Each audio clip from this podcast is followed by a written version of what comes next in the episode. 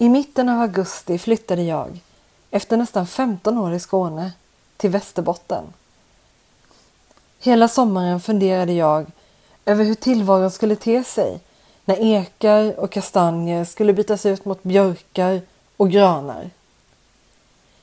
Jag undrade över när hösten skulle komma och om jag skulle trivas vid en älv istället för vid ett sund.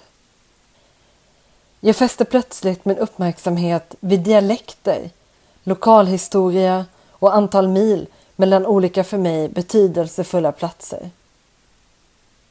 När jag kom fram till min nya bostad i Umeå såg jag att luktatten just hade slagit ut. Samma sak med krassen. Gula och orangea blommor klättrade ut med en odlingslåda på gården. Jag förstod att jag nästan inte visste någonting om norra Sverige. I varje fall inte mer än det jag lärt mig i skönlitteraturen. Linnea Axelssons Ednan och David Weirinens Marken lärde mig om centralstatens sociala, politiska och kulturella utvinning av naturresurser i Norrbotten, Västerbotten och Lappland. Men ingenting om att nyutslagna sommarblommor skulle komma mig till mötes. När jag en månad senare fick poeten och dramatikern David Wikgrens nya Materialvägen-sägen hem till min brevlåda förstod jag att jag inte längre kunde ägna mig åt blommor och träd.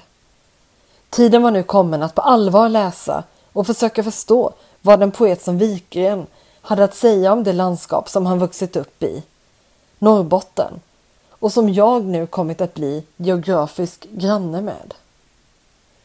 Wikgren har sedan debuten 2002 ägnat sig åt att gestalta ett Norrbotten som både existerar som materiell verklighet och mytisk plats i litteraturen och konsten. Diktsamlingens tudelade titel Materialvägen sägen speglar denna dubbelhet. Den första delen, Materialvägen, hämtas från smeknamnet på rallarnas transportväg genom Norrbotten och Lappland.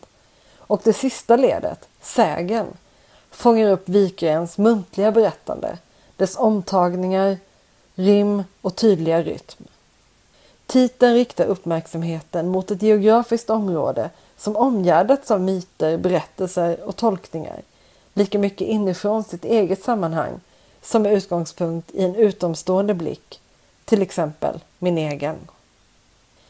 Till en början ter sig också dikten i materialvägen sägen ogenomtränglig för mig.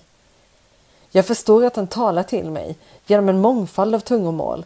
Jag hör rösterna men kan inte urskilja dem från varandra. Diktverket inleds exempelvis med en vignett längst ner på en tom sida. Det står, satt i kursivt, citat. Guds nåd och frid vare med eder älskade små barn som ska vakna ur dessa band. Slutcitat. Versen låter som ett bibelcitat hämtat från en broderad bonad upphängd över någons kökssoffa. Men det är som om flera olika texter talar samtidigt. För vad menas med att vakna ur en tvingande bindning? Valet att använda verbet vakna istället för lösas friställer lyckönskningen och associationer anmäler sig. Jag ser slaven som frigör sig från sina bojor, som löses ur sin herres grepp. Jag ser en folkloristisk scen där hymens band knyts i en lekfull ritual. Jag ser maktlöshet och okunskap, kärlek och omsorg. Med denna förväntanshorisont för ögonen vänder jag blad och möter en nonsensdikt, rytmisk som en barnramsa i lekfull men bunden vers. Vara lilla vem, undrar dikten och jag med den. Vad är det här för diktsamling egentligen? Dispositionen är enkel. Största delen av diktsamlingen består av tre sviter med nioradiga dikter satta i kompakta block numrerade 1 till 15. De är, om man så vill, diktens monotona flöde. Det är ett utrymme där den får utvecklas och fördjupas. Varje svit inleds med en längre rytmisk dikt satt i kursiv. Diktblocken korresponderar med svart korta och abstrakta vignetter som introducerar varje ny svit. Första gången ser vignetten ut som ett spetsigt berg. Andra gången som en stiliserad illustration av en industri. Den tredje bilden avslöjar mönstret. I den sätts de två tidigare formerna samman till ett svart block som genomskärs av en spricka. Och det är först då som man förstår att de två tidigare formerna hör samman. Berget har brutits loss ur blocket och framträder industrin. Med industrin kommer berättelsen om exploatering av norra Sveriges naturtillgångar och arbetskraft. Eller om man hellre vill, förädling och utarmning av naturtillgångarna ger platsen en ekonomisk, social och historisk berättelse som i Wikgrens dikt i sin tur förädlas till poesi. Diktverket avslutas med en längre kursiverad dikt.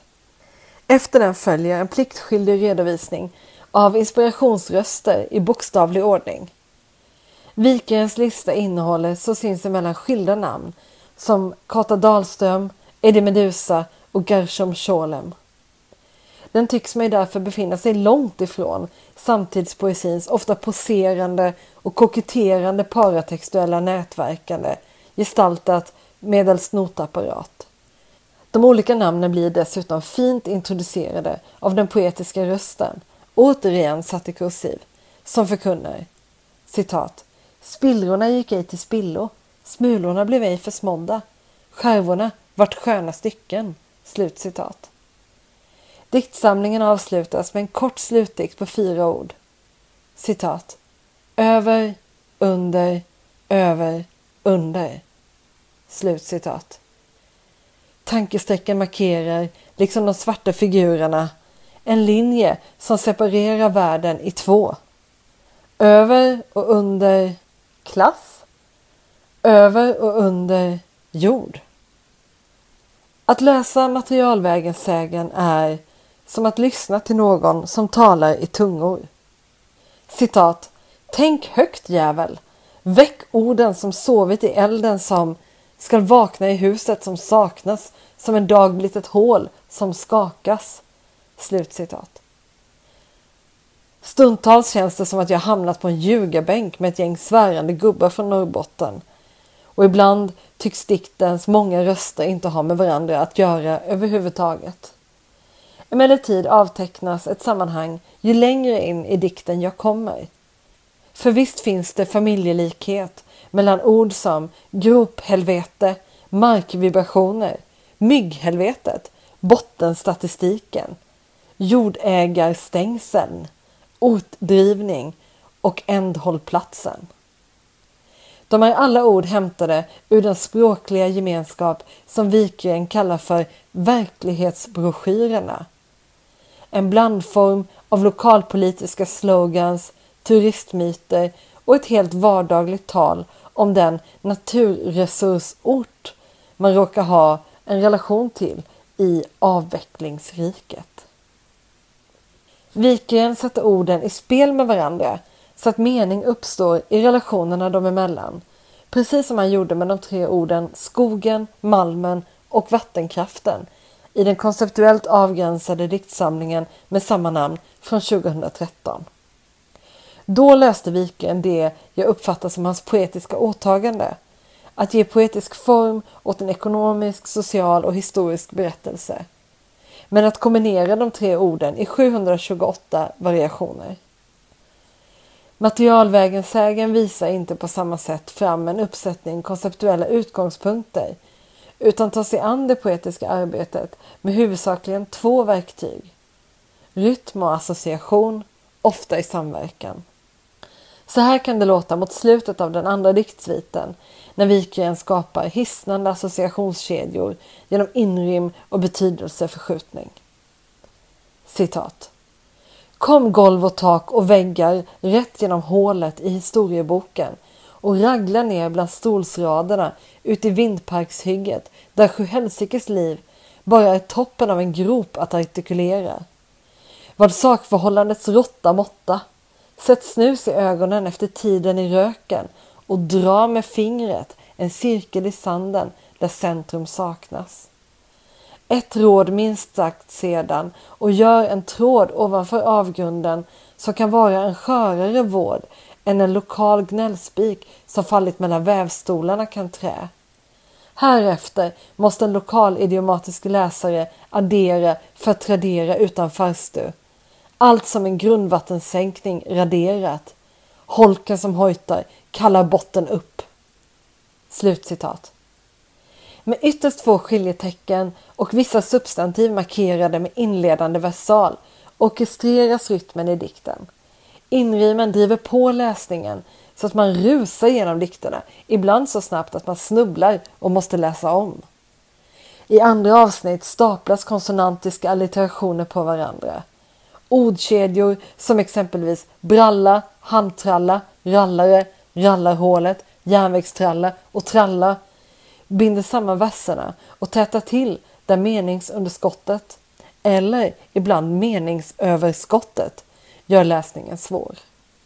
Mening skapas således av rytm och av form. Men Wikgren arbetar i lika hög utsträckning med att låna in betydelsebärande substantiv och låter deras laddning smitta omkringliggande ord och strofer.